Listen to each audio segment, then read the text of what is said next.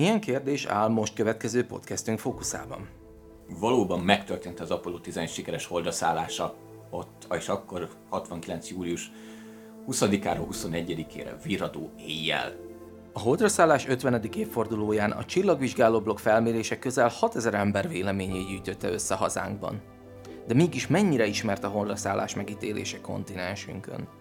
Hát Európában nagyon-nagyon kevés eredményt lehetett találni, néhol egy felmérés. Az Egyesült Királyságból egy röpke kérdés. Olaszországból, Magyarországon viszont tudomásom szerint ez volt az első ilyen felmérés holdra kapcsolatban. Mik keltenek az emberekben leginkább kétségeket a holdra szállással kapcsolatban? Miért nem fogadják el annak tényét? Azért, mert azóta sem tértünk vissza a holdra. Túl sok a gyanús felvétel. Azért kétkedik a holdra szállásban elsősorban, mert az akkori technológia erre nem volt elégséges. Vajon meg kell győzni a szakértőknek a holdra szállásról az ezt tagadókat? Szerintem foglalkozni kell ezzel, mert nem véletlen az, hogy ilyen magas ennek a tudományos eredménynek az elutasítottsága. És, és érdemes jobban kivesézni, hogyha valaki kételkedik ebben, nem hisz ebben, akkor, akkor mi is ennek az oka? És magyarázzuk el, fókuszáljunk arra a tényre, ahelyett, hogy hideg megvetést tanúsítanánk ezen polgártársaink felé. Ezekre a kérdésekre és még sok minden másra fényderül a Magellán Podcast most következő adásában.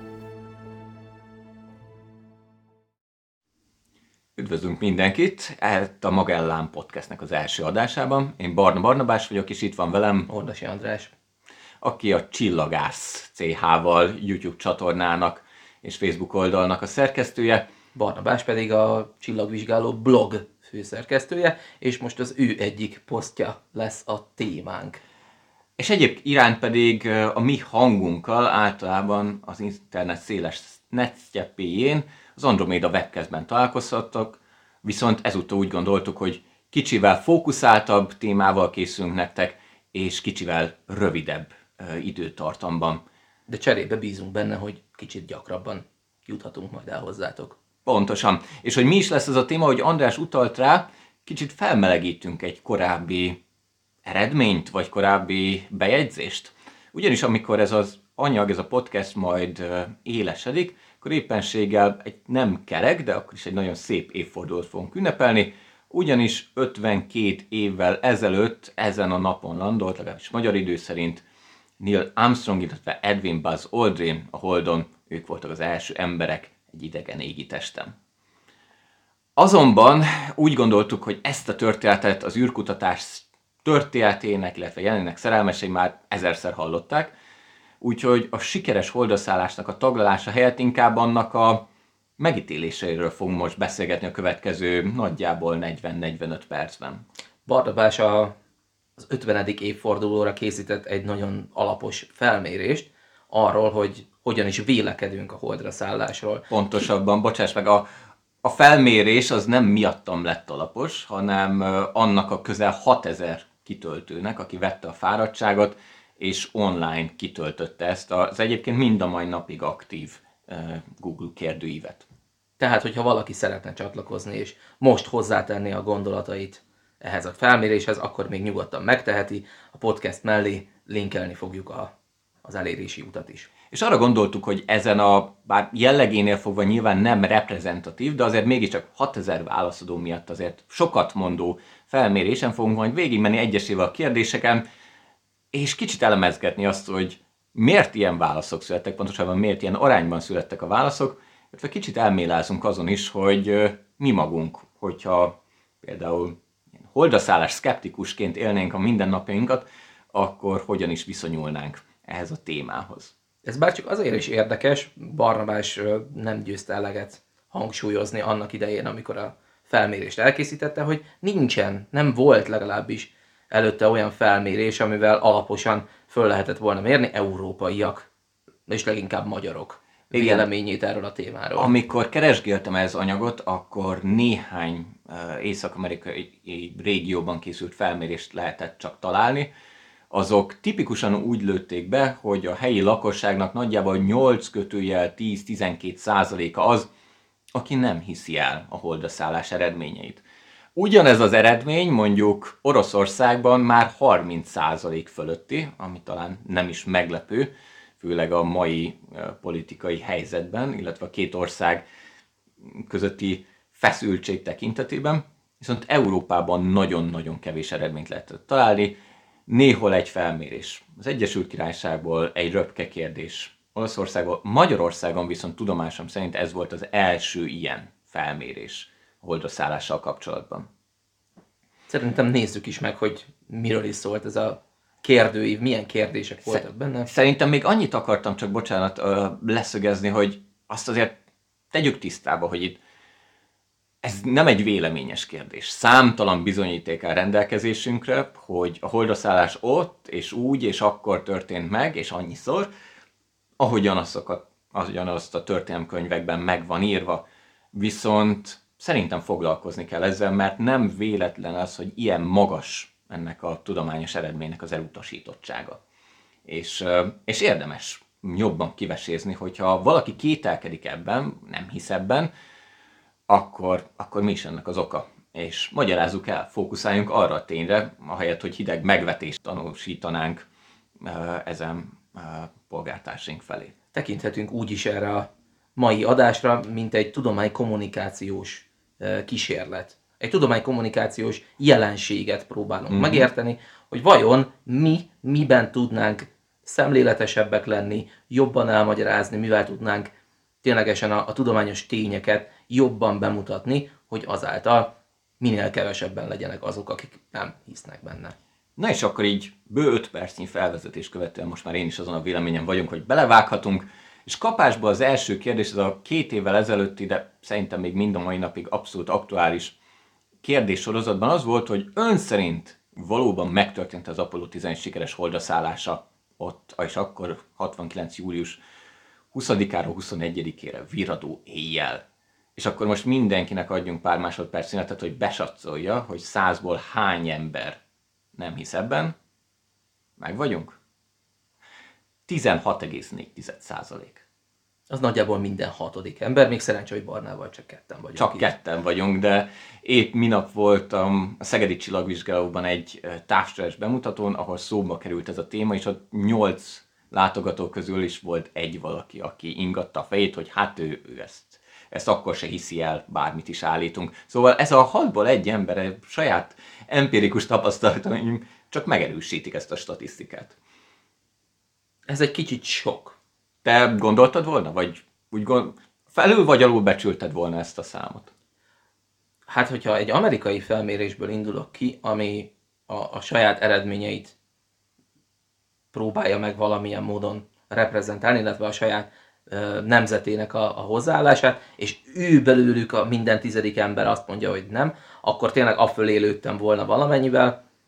Mm, egyébként valami ilyesmit vártam volna elsőre, de cserébe ez, ez, ez még ugyanúgy rossz, és ugyanúgy nem tetszik számomra. Nagyon csak... sok szerintem, és hatból egy ember, ezt azért ízlelgesse mindenki magának. Egyébként érdekes volt, hogy annak idején jó néhány kommentet kaptam, hogy ez vajon melyik irányba, vagy melyik tábort becsüli felül. Vajon azokat, akik úgy gondolják, hogy fontos az, az ő idézőjelesen elnyomott véleményük, és ezért kétszeres erővel akarják hangoztatni azt, hogy igenis nem történt meg a holdraszállás. Egyébként fontos leszögezni, hogy ez kérdőív úgy lett megkonstruálva, hogy mindenki egyszer tölthette ki, vagy legalábbis újabb és újabb akkontokat kellett volna kreálni ahhoz, hogy, hogy többször is sem megtehesse ezt. Vannak olyanok, akik nem sajnálják az energiát. Biztos vannak ilyenek, de mondjuk induljunk ki abból, hogy elhanyagolható ez a, ez a tábor. Vagy pedig azokat reprezentálja fölül ez a mérés, akik, akiknek azért fontos ez a téma, mert szívügyük az űrkutatás, és abszolút tisztában vannak a tényekkel és a tudományos eredményekkel. Igazából beavathatnál minket, mert én sem tudom pontosan, meg a nézők se valószínűleg, hogy pontosan hol is volt hirdetve maga a kérdőív, és hogy ebben milyen egyéb... irányokból jutott el az emberekhez. Egyébként ebben nagy segítséget kaptam, mert valószínűleg a téma újszerűsége, vagy újszerű megközelítése miatt a rengeteg hírportál hirdette. HVG-től, az akkori indexen át, Facebook oldalak, tudományos mémek oldala, és így tovább. És így lehetett az, hogy eljutott több tízezer emberhez, és 6000 ember vette azt a másfél perces fáradtságot, hogy keresztül szaladjon. Szóval gyakorlatilag szerintem jól leképezte az átlag magyar internetezőknek a táborát. Jó, ez me, abszolút megnyugtattál, azt nem szerettem volna érezni a végén, hogy hát itt most fölmértük az űrkutatókat, csillagászokat, nem, nem, nem. és azok között Egyáltalán találtunk néhány trollt. Jó, ugorjunk is a következő kérdésre, hogy egy kicsit, ugyanezt a kérdést tettük föl, de egy kicsit megcsavarva, hogy ön szerint járt-e valaha is ember a Holdon, és én erre számítottam, hogy nem fog teljesen átvenni az előző táborral, tehát 16% bő 16% állította azt, hogy ne kamu volt az Apollo 11-es holdaszállás, viszont csak 13,3% állította azt, hogy soha nem járt ember a Holdon. Magyarán van nagyjából 3%-nyi ember valahol itt, itt közöttünk Magyarországon, aki úgy gondolja, hogy az Apollo 11 kamu volt, aztán viszont valamikor megtörtént a holdra szállás. Igen érdekes összeesküvés elméletek állhatnak ezek mögött. Igen, éppen ezt akartam mondani, hogy én attól tartok, hogy ez, a, ez nem a, a lightos hoax hívők tábor, ez a 3%-nyi válaszadó, majd 6000 emberből, ez ugye majdnem 200 válaszadó úgy gondolja, hogy kamu volt, és én tartok tőle, hogy ők, ők talán mondjuk titkos holdbázisokat vizionálnak. Vagy mondjuk nem is az amerikaiak jutottak el a holdra. Nem tudom, nehéz, nehéz belátni ebbe a gondolatiságba, de ez csak érdekes, hogy ez egy szignifikáns különbség az első, illetve a két nemnek a táborai között. A határozottan elgondolkoztató. Arra is rákérdeztünk, hogy amennyiben a kedves válaszadó, ha és amennyiben kételkedik a holdaszállást illetően, és 6000 válaszadó közül 1200-an így voltak vele, akkor mi a legfőbb ellenév a hivatalos verzióval szemben? És én itt annak idején megadtam 6 opciót, egyet lehetett megjelölni, és kiütéses győzelem született. Közel 50%-a adta meg az 1200 válaszadónak, hogy azért, mert azóta sem tértünk vissza a Holdra. Ez tény és való, ez egy űrkutatásban nem járatos ember számára rögtön egy szemöldököt ráncoló Ugye? indok lehet, hogy én, hát én akkor itt, itt valami sumákság van a Én is úgy voltam vele, hogy ha és amennyiben nem követtem volna, hogy, uh, nem akkoriban élőben, de egy utólag, hogy hogyan is zajlott az Apollo programnak a hattyúdala, akkor én is azt mondtam volna, hogy oké, okay, ez gyanús. Ezt érteni vélem, hogy miért szúr sokaknak szemet ez a közel 50 éves kihagyás, ugyanis az Apollo 17-es misszió 1972 decemberében volt az utolsó, ami embert vitt a holdra. Azóta pedig semmi. Na persze én azt is hozzátenném, hogy volt egy-két olyan küldetés azóta, ami jócskán átírta a biztonsági szabályzatokat egy-egy űrmisszió tekintetében, és ezek például kifejezetten sokkal határozottabb, sokkal szigorúbb követelményeket támasztanak a, az űrküldetések számára, tehát ez azt is jelenti, hogy az ember nem, nem feltétlenül a legambiciózusabb terveivel áll elő először, hanem kis apró lépésekkel halad előre, például űrállomásokat telepít közvetlen földközelbe, ahonnan sokkal könnyebb egy mentőakciót megszervezni, illetve ténylegesen van esélye egy mentőakciónak például élve hazahozni embereket, adott esetben megfelelő körülmények között. És szerintem ez, amit te boncolgatsz, ez a, ez a kulcsmomentum, hogy átíródtak a prioritások. Mert 60-as években, amikor létrehozták az Apollo programot, ugye az egyetlen egy dolog számított, és nem az ember élet volt elsősorban, hanem az, hogy megelőzzék a szovjeteket az űrversenyben. A Ez sikerült, győzelem. és a politikai győzelem után az egész olyannyira elvesztette a jelentőségét, hogy voltak még terven Apollo missziók, ha jól emlékszem, egészen 20-ig bezárólag. Szóval az azt jelenti, hogy három Saturn 5 rakéta már vagy le volt gyártva, vagy meg volt rá a pénz, ugyanígy kiképzett astronauták is várták a sorukat, és plusz elvágták 72-ben az Apollo misszió fonalát, mert egyszerűen már érdektelenségbe fulladt az egész. Úgyhogy ha szerintem még fogunk erről a témáról beszélni a, be, a podcast folyamán, de hogyha csak egy dolgot kell megjelölni, hogy mi volt az, azok, amiért nem tértünk vissza közel 50 évig a holdra, az négy betű, és úgy hívják, hogy pénz. Viszont van itt még a dobogó két fokán két közel 20%-os válaszadási arány, Először is 21,9% a válaszadóknak jelölte meg azt, hogy túl sok a gyanús felvétel. Ez természetesen a Photoshop korában egy teljesen érthető reakció. De tudod, ez az, amit már, amivel nem lehet mit kezdeni. Szóval annyi oldalon, annyiszor magyarázták el, annyi különböző külsős, tehát az űrkutatáshoz vagy a NASA-hoz közük nincsen olyan szakemberek, hogy miért úgy néznek ki a felvételek, ahogy, hogy ezt, ezt nem hinném, hogy lehetne tovább boncolgatni. Ha valamilyen kérdéskör rendesen körbe van járva, az az idézőjelesen lobogó zászlónokat történtek, hogy az nem lobog.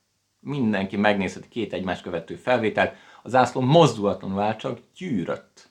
Szándékosan úgy tervezték, hogy gyűröttnek látszódjon. Erre van egy ilyen anekdotikus kis történet, hogy a, a NASA kutatói, mérnökei, űrhajósai az egész perepúgy, oda megy az elnökhöz, és megmondja nekik, hogy a Holdon nincsen légkör, nem fúj a szél, ez a zászló, ez lógni fog.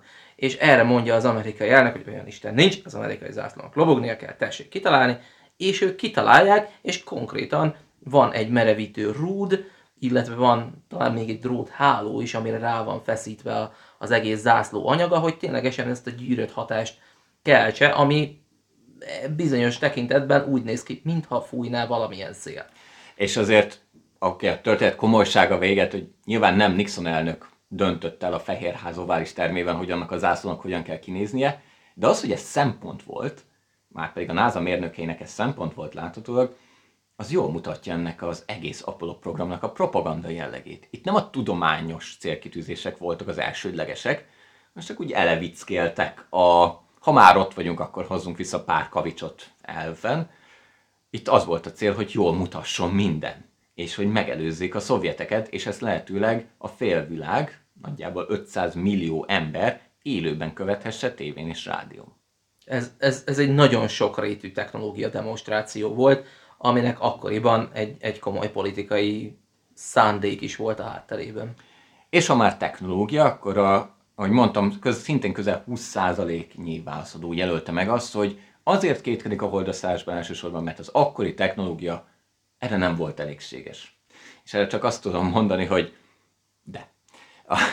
Ezt tudom, hogy ez nem a leg, legszofisztikáltabb érv, de értsük meg, hogy ez ott és akkor a 60-as évek végének, a 70-es éveknek a csúcs technológiát idézte. A NASA olyan költségvetéssel, olyan elmékkel gazdálkodhatott, amivel korábban csak kizárólag a hadsereg. Tehát, hogy ott az Apollo program megelőzte a korát, ezt nem túlzás kijelenteni. Ez már önmagában tényleg gyanúsá tenné a dolgot, de nem lehetetlenné. Tehát, hogy ez, ez ténylegesen egy olyan aspektus, ami, amit el kell fogadjunk, hogy ténylegesen akkor a technológiának a határáig elértek, és minden egyes bitjét, byte ki is használták. És a bit és byte az pont ráutal arra, hogy mi volt például annak az egész missziónak az egyik Achilles, uh, Achilles sarka, a, a számítógépes rendszer, ami ma, mai szemmel nézve röhelyesen kis kapacitással bírt. Ugye erre szoktuk elmondani azt, hogy a bárkinek a kis telefonja az nagyobb számolási kapacitással Pontosan. bír, mint az Apollo 11 Viszont, számítógépe. Amit csak lehetett, hát azt ö, emberi erőfeszítésekkel pótolták, például csillaggászati navigációt is alkalmaztak az Apollo 11 astronautái. És egyébként az is tanulságos, hogy leszállás közben, miközben már csak néhány száz méterre voltak a hold felszínétől, majdnem emiatt kellett megszakítani a procedúrát, mert az egyik detektor hibát jelzett, és mint utólag visszafejtették a NASA mérnökei, szinte biztosan arról lehetett szó, hogy nem bírta a számítógép azt a számítási feladatokat, nem boldogult vele, és ezért hibát dobott ki. Na most, hogyha innentől kezdve csak kizárólag és mindent a kor technológiai infrastruktúrájára hagyat, ö, vagy csak arra az hagyatkoztak volna názások, illetve ö, Armstrongék, akkor hm, talán az Apollo 12-t ünnepelnénk most mind a mai napig. Vagy az Apollo 12 oda se jutott volna, mert mondjuk egy egy emberes kudarc, az, az, az lehet, végképp rányomja a bélyeget, hogy na ezt akkor nem kell csinálni. És azt azért tegyük hozzá, hogy az Apollo 11, ahogy a szám is mutatja, nem az első volt az Apollo programban, az Apollo 10 Például egészen odáig jutott, hogy már a hold felszín néhány kilométerre megközelíthették, csak ugye ott még nem volt élő egyenes adás, úgyhogy ott még nem adták meg nekik a leszállás engedélyt. Korábbi 9 teszt misszió pedig majdnem mindent, gyakorlatilag a leszálló egységen kívül mindent kipróbált és letesztelt. És ez is emberéletekkel járt az Apollo program. Szóval a kor technológiáját azt úgy kell helyén kezelni, hogy az András által korábban emlegetett kockázat, az mai szemmel megbocsájthatatlanul magas volt. Iszonyatosan magas. Egyébként erre van egy-két nagyon jó uh, történelmi skifi, én csak így tudom nevezni a kategóriát, a, ami kifejezetten pont az Apollo 11-es landolásról és az oda vezető gondolsz, gondolom. Szóval igen, az első ember uh, magyarul um, Ryan Gosling volt Ryan talán Gosling a főszereplésége, ő játszotta Neil Armstrongot.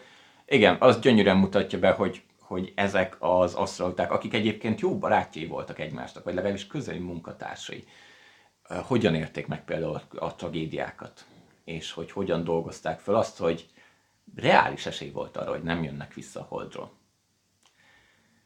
Ez egy, ez egy máj napig nehéz kérdés, és ha bár azt mondtuk, hogy sokkal biztonságosabbra tervezik a mai űrmissziókat, de még ma is uh, igen nagy valószínűsége van. Tehát, hogy nem a, a hétköznapi értelembe vett módon nagy valószínűsége van. Már nem két számjegyű az a százalékban mérhető kockázat. Ah, hanem inkább olyan egy, de az az egy az még mindig nem a nulla, hanem a fölött van egy picivel.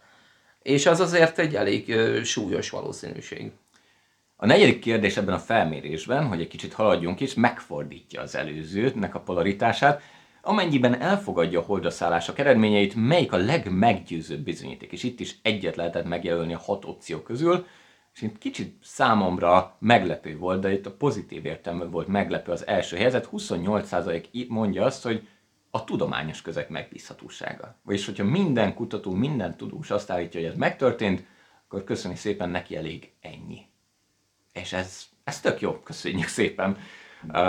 De ez nem alaptalan amúgy igen, a tudomány az alapvetően tényekre alapulva, teljesen, teljes mértékben tényekre alapulva építkezik. Természetesen a tudomány működésében a, az intuíciónak és a, az elméleteknek nagy szerepe van, de egészen addig ezeket nem kezeljük e, tényként, amíg nincsenek rá bizonyítékaink. Na ez egy holdra szállással kapcsolatban viszont tengernyi bizonyítékkal van alátámasztva, hogy ez tényleg megtörtént, és ezeket a tengernyi bizonyítékokat ténylegesen tudományos hozzáértéssel tudományos mm, közegben mozgó kutatók szokták bemutatni, és ennek ellenére is, ha bár nagyon szívet melengető, hogy ez a legnagyobb érv mellette, de azért a, a, a százalékban én még egy kicsit többet szívesen de látnék. többre számítottál? Számítani nem számítottam szíve, többet, de, de, de szívesen látnék, látnék én is, de azt tudni kell, hogy oké, okay, ilyenkor mindig azt mondja, hogy hát a, mármint az egyszerű kétkedő, hogy oké, okay, de a NASA-nál is emberek dolgoznak, és, és ott is vannak gyarlók köztük, vagy mondjuk vannak politikai érdekek. Igen, de pont ez az emberi tényezőből fakad az, amiért meg lehet bízni a NASA-ban, ugyanis tudva levő, hogy a NASA az híresen rossz titoktartásban.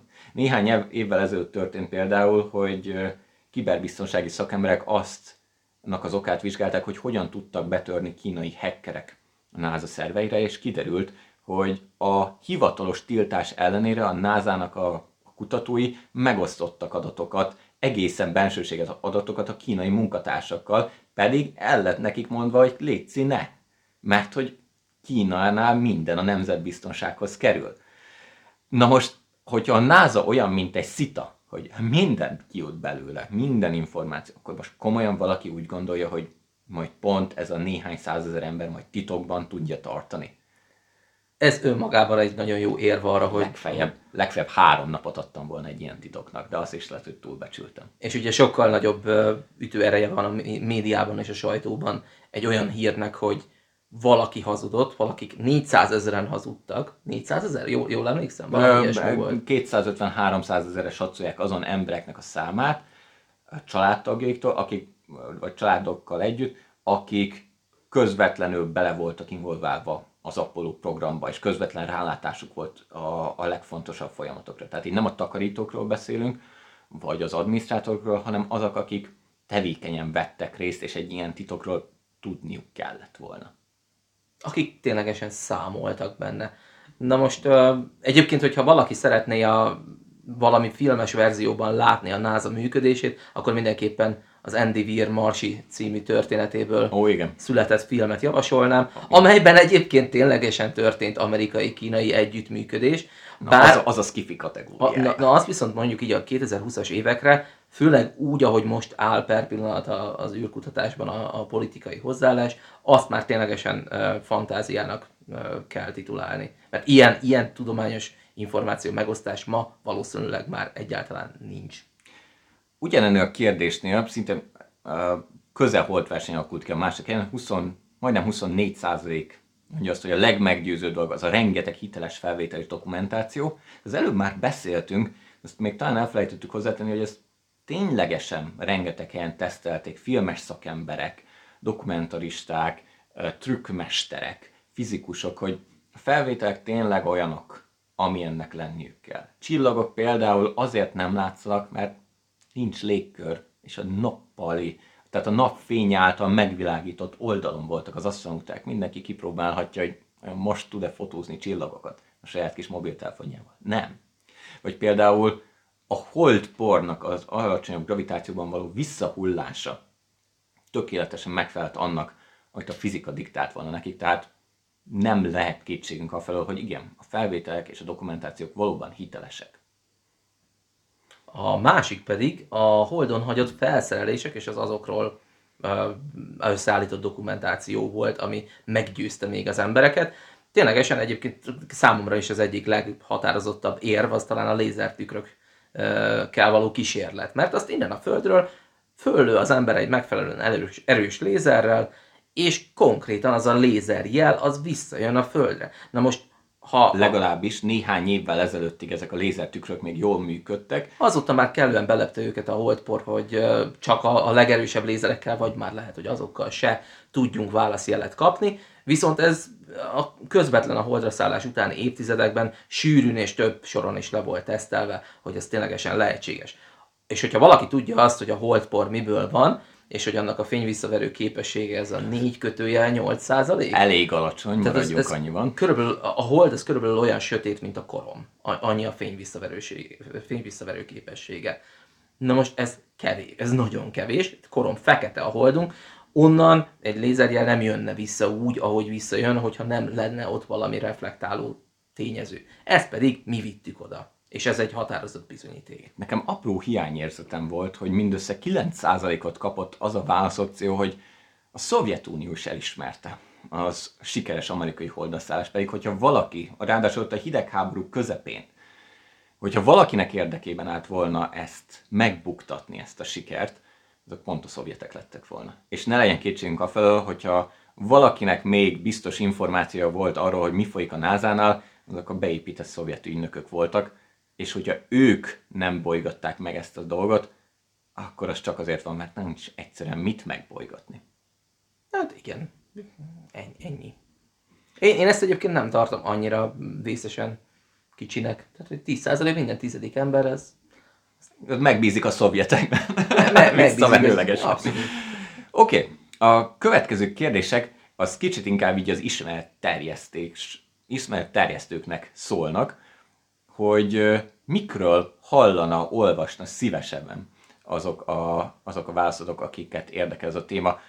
Konkrétan az ötödik kérdés, hogy a holdaszállásokhoz köthető első ránézése furcsa jelenségek közül, melyeknek a hátteréről szeretne többet megtudni, Hát természetesen a lobogó zászló itt a, a, az egyik olyan válasz, amire nagyon harapnak, de a leg, legtöbb választ, ö, legtöbb ö, szavazatot kapott válasz, az a holdra szállások közel 50 éves szüneteltetése. Ahogy itt most már elég sokat beszéltünk róla, ennek a, a nagyon prózai oknak igazából ilyen politikai, társadalmi és gazdasági. és gazdasági kérdések sok-sok rétegét kell lefejteni, hogy az ember ezt el tudja teljes mértékben fogadni, és ténylegesen ez olyan dolog, amiről hosszú órákat lehet vitatkozni is, De most akár, csak hogy pár percünk Most van, úgyhogy, percünk van, úgyhogy csak dióhéjban összefoglalva, a NASA szinte limit nélküli költségvetéssel dolgozhatott. Ez azt jelentette, hogy, hogy a GDP-jüknek több mint 5%-át költötték évente az Apollo programra. Ez azt jelenti, hogy jó, akkoriban a NASA-nak a költségvetése még jóval, vagy bocsánat, az USA-nak a költségvetése jóval alacsonyabb volt, így nem biztos, hogy érdemes átszámolni mai dollár árfolyamra ezt az összeget, de az 5%-os éves GDP arány, vagy az költségvetésnek az 5%-a, az brutálisan sok. Az mondjuk egy Magyarország típusú, vagy egy európai ország esetében ez mondjuk a több, mint az egészségügyi kiadások. Amerikában mondjuk nyilván nem, mert ott nem nagyon költenek az egészségügyre, de a lényeg, a lényeg az az, hogy brutálisan sokat kellett költeni, és ezt nehéz volt lenyomni a társadalomnak a torkán. Voltak is mindenféle tüntetések még mielőtt sikerült holdra szállni. A, az első ember című filmben Igen, is nagyon van egy nagyon jó montázs, hogy nem csak az utca embere, tiltakozott az ellen, hanem például az értelmiség is, hogy egy csomó minden másra, például szociális kiadásokra, vagy városfejlesztésekre lehetnek költeni ezt a brutális mennyiségű pénzt, több milliárd dollárt évente. De persze, akkor az emberiség nem lett volna egy kis lépéssel és egy hatalmas ugrással előrébb. A következő kérdésnél megfordítottuk, hogy a holdaszálláshoz köthető bizonyítékok közül ki miről szeretne többet megtudni, és közel 5500 válasz közül erő, erősen egyben maradt a mezőny, kicsivel uh, kevesebb, mint a fel a válaszadóknak mondta azt, hogy a hátrahagyott eszközökről, és ez lett a befutó. Én is ezt mondtam volna egyébként. Hátrahagyott eszközök, ugye a lézertükrökről már röviden beszéltél, ugye mik maradtak még ott a hold felszínén? Ó, hát hogyha itt ilyen skifi vonalba akarnánk elmenni, akkor a, nem, a családi fotók, a, a golflabdák. Ja, értem el. Tehát én, én például simán el tudnék képzelni egy olyan űrkutatási versenyt, hogy építs meg egy olyan Robert, ami visszahozza a cuccokat, a, a, a, az ott hagyott golflabdát. És ez tényleg, ez egy verseny, és aki legelőször megcsinálja, az mit tudom én, kap egy, egy 5 milliárd dolláros támogatást Elon Musk-tól. Kicsit, kicsit fölé satszoltad a, a pénzdíjat. De igen, tehát, hogy egészen bagatel tárgyak is maradtak hátul, amit az astronauták vagy emlékként, vagy hetzből vittek magukkal. De természetesen például ott voltak a holdautók is, meg az egyéb nagyobb Pontosan. felszerelések, amiket konkrétan nem volt mivel hazahozni. Egyszerűen túl nagy teher lett volna a visszafelszálláskor a hold felszínéről, és ezért maradtak ott. És ha jól tudom, akkor egyébként ezek a holdautók még talán máj napig is működnének. Mm, jó eséllyel, ugyanis nem nagyon van olyan hatása, csak nem az extrém UV-sugárzás, ami valamit el tud rontani az elektronikában. De az biztos, hogy látsznak. És ugyan a földi távcsöveknek nincs olyan felbontása, ami kiszúrna egy üszve két és fél méteres holdautót, sőt, még a Hubble űrtávcső sem képes erre, mert ahhoz a, nincs meg a, a, azt, hiszem valahogyan 20 pár méteres felbontást tud a hold távolságában, de a hold körül keringő hold műholdak, azok látják ezeket az objektumokat, sokkal inkább az árnyékukat, mert azok ugye még nagyobb, hogyha súrló uh, beesési szögben érkeznek a napsugarak. Például a Lunar Reconnaissance Orbiter, aminek a legjobb a felbontása, nagyjából olyan 1 méteres, 1 méter per pixeles felbontást tud nagyságrendileg, az például látja, látta már a holdautókat, látta már a hátrahagyott eszközöket, látta például holdautónak a nyomát, ahogy hosszan kanyarog a holdporban, és több évtizeden keresztül meg is marad időjárási viszonyok hiányában.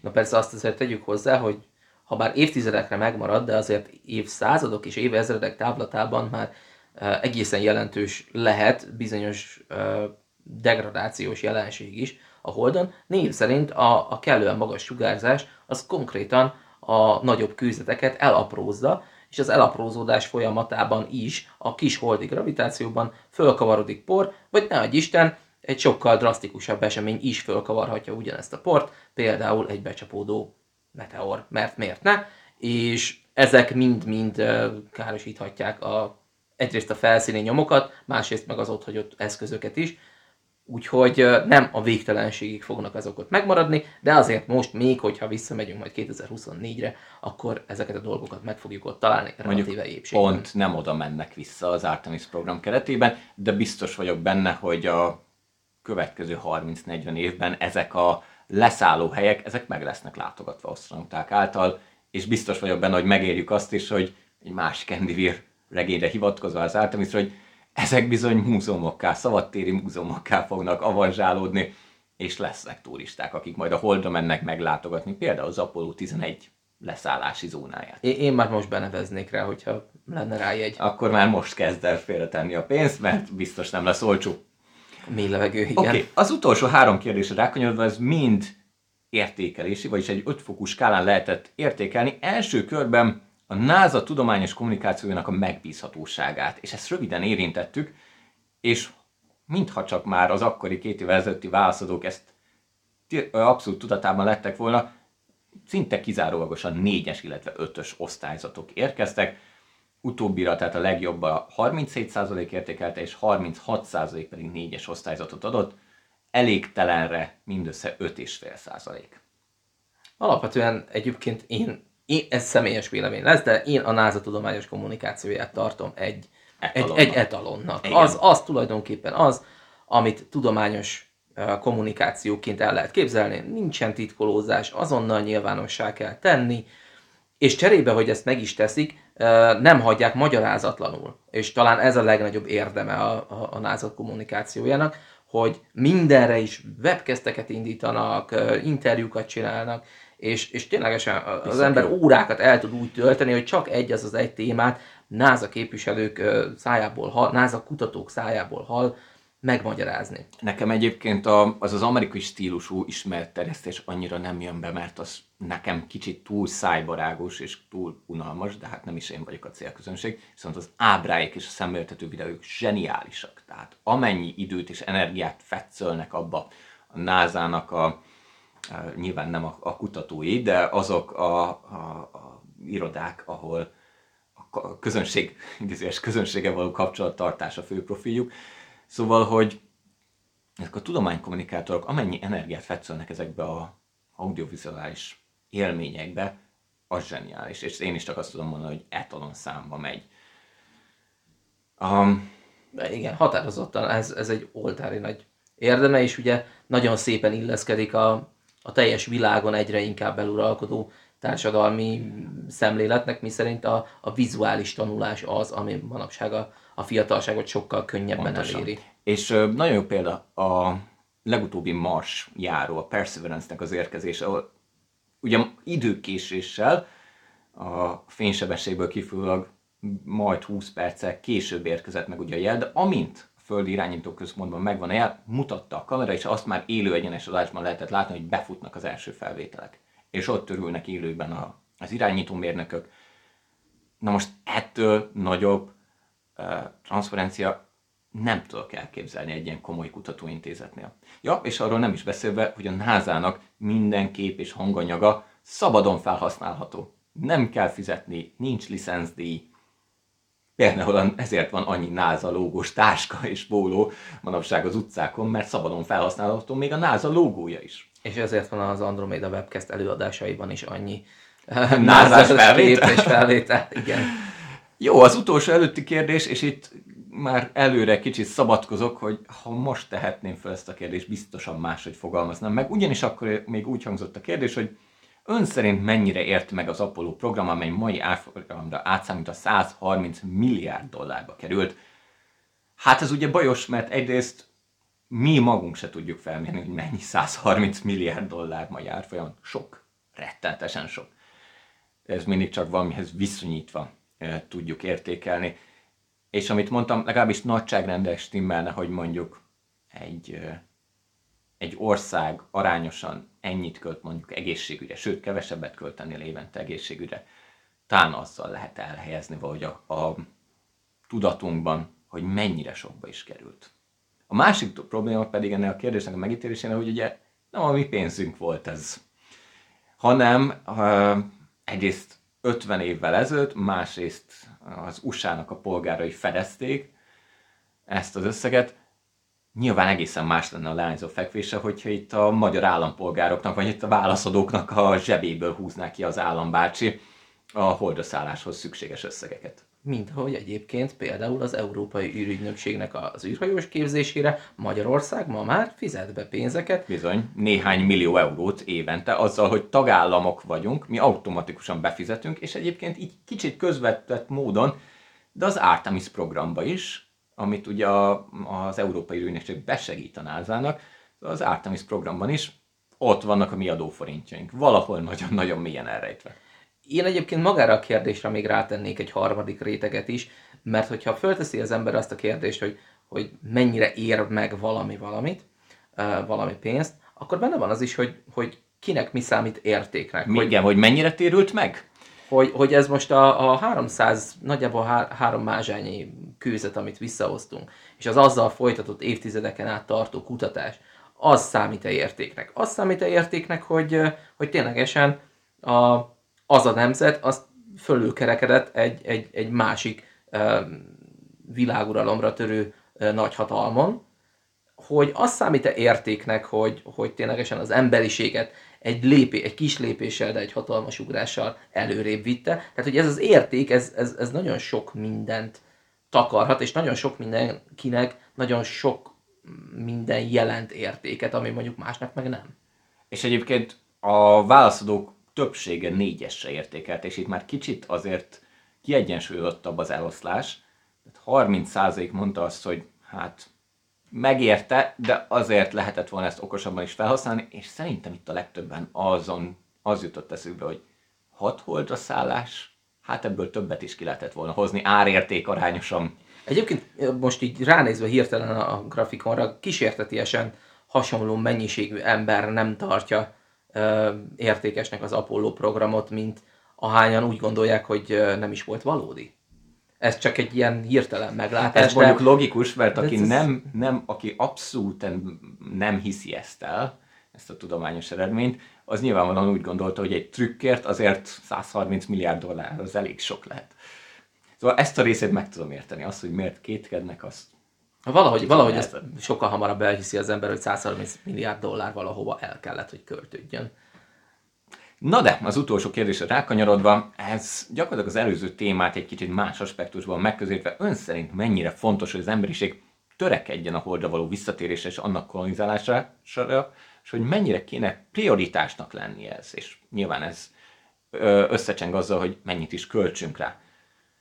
És ugyan az ötös válasz, tehát az abszolút és elsődleges prioritás sok között kellene szerepelni, szóval ez kapta a legtöbb szimpátiát a válaszadóktól, 28,3% voksolt erre. Második helyen azonban a hármas értékelés volt, 21,3%-kal, és szerintem ezekkel a fajta hozzáállásokkal mi is találkoztunk, a máshol nem bemutatókon, kommentek formájában, ugyanis visszatérő érv a NASA munkásságával szemben, hogy ezt az írdatlan mennyiségű pénzt miért nem inkább a föld megmentésére fordítják. Igen, és akkor ilyenkor szokott előjönni nálunk a, a szokásos mondóka, az alapkutatással, meg a, mint amilyen egyébként a csillagászat is, amiben mi igazán otthon vagyunk, hogy egy alapkutatásnak a, a felhasználási lehetőségeit előre nem tudjuk megjósolni. Egyszerűen az alapkutatásnak pontosan az a lényege, hogy új dolgokat szeretnénk felfedezni, amiről még azt se tudjuk, hogy hogyan működik, de nagyon szeretnénk tudni, hogy hogyan működik, mert akkor ne Isten fel lehetne használni. De ez nem egy, egy életbiztosítás, hogy amit felfedezünk, azt föl lehet használni. A csillagászatban általában ez nem, ettől nem szokott olcsóbb lenni a kenyér holnap, hogy mi rájövünk, hogy valamelyik csillag miért úgy viselkedik, ahogy például.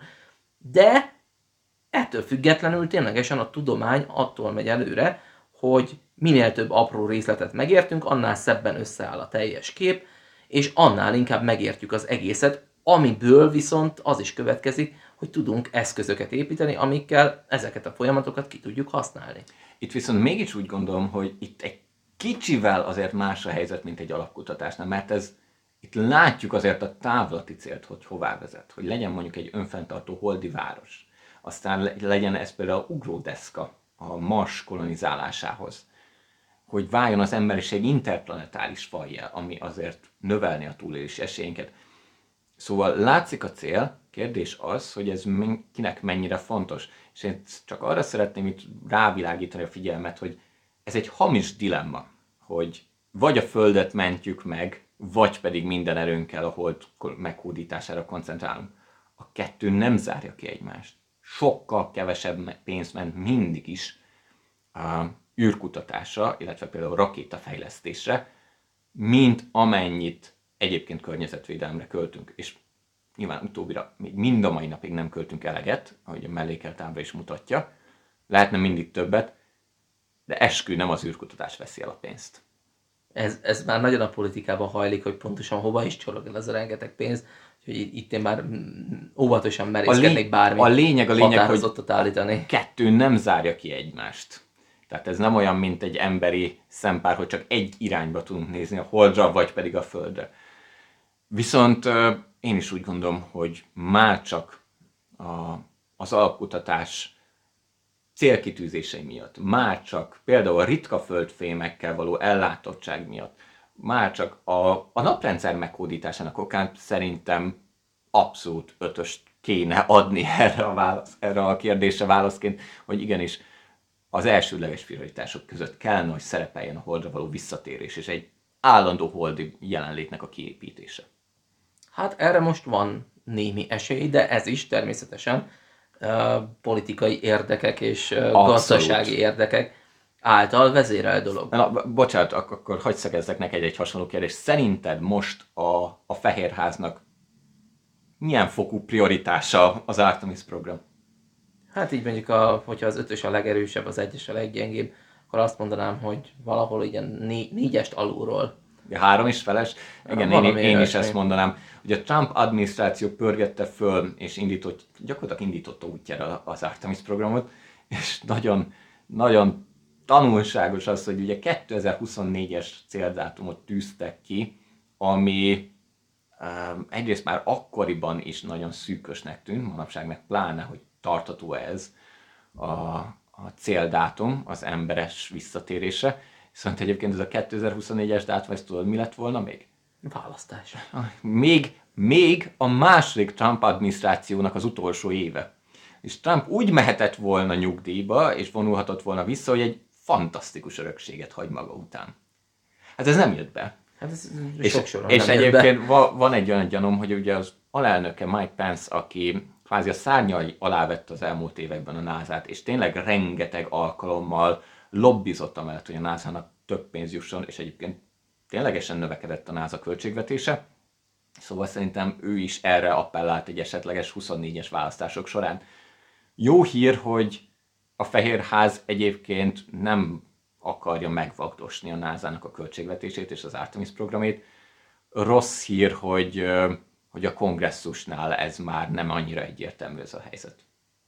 De ugye azért én azt hozzátenném, hogy nem csak Amerika játszik a, a világűr gondolatával, és ha valami, akkor ténylegesen a versenyhelyzet az nagyon sok helyen tudja motiválni az embereket, és nagyon sok pénzt, energiát tud mozgósítani az, hogy mondjuk a világ keletebbi végén is törekednek a világűrbe. Tőlünk nézve keletebbig. Tehát Kína ténylegesen a Marsra igyekszik, és ugyan náluk nincsen kitűzött céldátum, de ugye Kína már nyuttatott róvereket és leszálló egységeket a Holdra, már a Mars is. Már a Marsra is nem régen. És euh, én például múltkor olvastam egy, egy okfejtést, hogy talán leghamarabb 2026-27 táján léphet először kínai asztronauta a hold felszínére.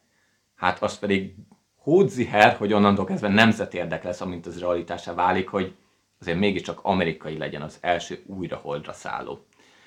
Úgy, és hogy ebben kíváncsian a... várom, hogy ez hogyan fogja fölpörgetni az űrversenynek ezen szegmensét. Arról nem is beszélve, hogy például az olyan relatíve semleges uh, résztvevők, mint mondjuk egy európai űrügynökség, az melyik oldalra, most per pillanat ugye nagyon a NASA fele húz a szíve, de, de alapvetően vannak rossz kozmoszos együttműködések is, ha jól tudom. Egészen És konkrétan, aztán a fene tudja még, hogy mik lesznek a, a jövőben. Az Európai Ügynökségnél szerintem ez nem kérdés. A rossz kozmosz, tehát az oroszoknak a hozzáállás, az, az viszont kifejezetten érdekes, mert néhány éve, nem is olyan rég, tehát egy, másfél-két éve a Roszkozmosz elnöke még orosz holdbázisról álmodott, és állandó orosz jelenlétről, ehhez képest az oroszok és a kínaiaknak nincs, hogy három hete, hogy aláírták a saját idézőjes Artemis egyezményüket, tehát hogy ők ilyen konglomerá- konglomerátumban, együttműködésben gondolkoznak, és egyébként vár, tehát ez nyitott, bárki csatlakozhat hozzá, de hogy innentől kezdve orosz-kínai együttműködésben fogják folytani a hold programjukat, az biztos. Az oroszoknak ugyanis megvan a tapasztalatuk és a technikájuk egy része, Kínánál pedig megvan az anyagi háttér és a motiváció. Na és akkor még nem beszéltünk arról, remélem nem folytottam beléd a szót, de nem, beszél, nem beszéltünk arról, hogy ugye magáncégek elkezdtek ebbe az egész levesbe belekutyulni, és, és például vannak olyan magáncégek, akiknek a, a technológiája az konkrétan lehetőséget nyújt arra, hogy benne van a potenciál, hogy önmagában maga a cég is képes legyen előteremteni a lehetőséget, hogy államoktól függetlenül juttasson el embert Nevezd meg azért, kiről van szó. Természetesen a SpaceX-re és Elon Musk-ra gondolok itt elsősorban. aki 2024-es céldátummal Marsra szállást álmodott meg. És csavar az egészben, ez a 2024, ez valószínűleg már nem fog megvalósulni, ha más miatt nem, hát a járvány miatti késlekedésnek. De hogyha 2024 környékén meg lesz az ő Starshipjük, az a Holdra is ugyanúgy alkalmas lesz landolásra. Sőt, a NASA a SpaceX-től rendelte meg a saját uh, holdi leszálló egységét. Na most el tudod képzelni azt a helyzetet, hogy 2024-ben a NASA az igazából készen áll, de a SpaceX, hogyha akarja, beelőzheti pár héttel. És simán el tudom képzelni, és onnantól Legalábbis kezdve a, lenne. a, a, a világűr egy, egy, egy teljesen eredeti vadnyugattá válna, és például, hogyha valaki szereti ezeket az űrjogi kérdéseket, akkor mindenképpen olvasson Andy Weir-t, illetve X-Pence regényeket, mert abban rengeteg ilyen ö, csavaros űrtörténettel és űrsztorival találkozhatunk. És ezek ténylegesen a valóságon alapulnak, mert jelenleg az űrjog még nem kezeli jól a, az űrbe történő mondjuk jog, Terjeszkedést. Jog, terjeszkedést, jogvitorlást. konfliktusokat. Ja, szerintem nem is fogja. Szerintem itt a gazdasági érdekek azok, azok felül fognak írni minden, még a politikai érdekeket is, előbb vagy utóbb. Nos, a kérdőívünknek, a boncolgatásnak a végére értünk, viszont én akkor már csak egy kérdést szegeznék neked, meg a hallgatóknak is, hogy szerintetek ki lesz, az, milyen nációt vagy milyen céget fog képviselni a következő ember a Holdon, milyen zászló alatt fog repülni, és egy évszámot kérnék még. András. Kon- konkrét évszámra én azt mondanám, hogy legközelebb ember a Holdon 2028 egy jó évnek tűnik. 28, ennyire pessimista vagy? Én relatíve pessimista vagyok, de, de tehát, hogy én valahova a 20-as évek második felére tenném. Mondjuk azt is hozzá kell tenni, hogy ebben benne van az, hogy leéltem 31 nehány évet az életemből, Ó, úgyhogy nem láttam holdra szállást. Tehát, hogy jó, akkor ezt még meg fogod élni. én nagyon bízok benne, hogy ezt még megfog. Én, én még a marsra szállást is szeretném megélni. Meg amit meg, Jó esélyed van rá. amit meg inkább valahova ilyen 40-es évek környékére tennék. Akkor most azon ritka alkalmak egyik, amikor én vagyok az optimistább, én mondok egy bátor 2025-öt, és, és názás lesz, tehát amerikai zászló alatt. Ugye érdekes lenne, hogy ha Muskék beelőznék a názát, de saját jól felfogott érdeke a SpaceX-nek, hogy ne tegye. Tehát még mindig a názát az egyik fő, még mindig a SpaceX az a NASA egyik fő beszállítója. Tehát Ott valójában igazából egy, egy komoly együttműködés zajlik már igen, most. igen, igen, igen. És, nem érné meg a SpaceX-nek. Hogyha, Valószínűleg egy közös érdem lesz. Pontosan. Szóval valamikor a 20-as évek második felében szinte bizonyosan újra ember fog lépni a Holdra. Ha így lesz, akkor remélhetőleg majd újra jelentkezünk podcasttel, de addig is még remélhetőleg néhány hetente jelentkezni fog a Magellan Podcast. Köszönöm András, hogy úgy fent velem tartottál, és Nagyon szívesen. Reméljük, hogy a hallgatóságnak is tetszett. legközelebb pedig, hogyha abban egyeztünk meg, hogy András fog hozni valami témát, és ugyanígy bő fél órában, szűk 40 percben pedig azt fogjuk majd boncolgatni. Örültünk, hogy velünk voltatok. Sziasztok! Sziasztok!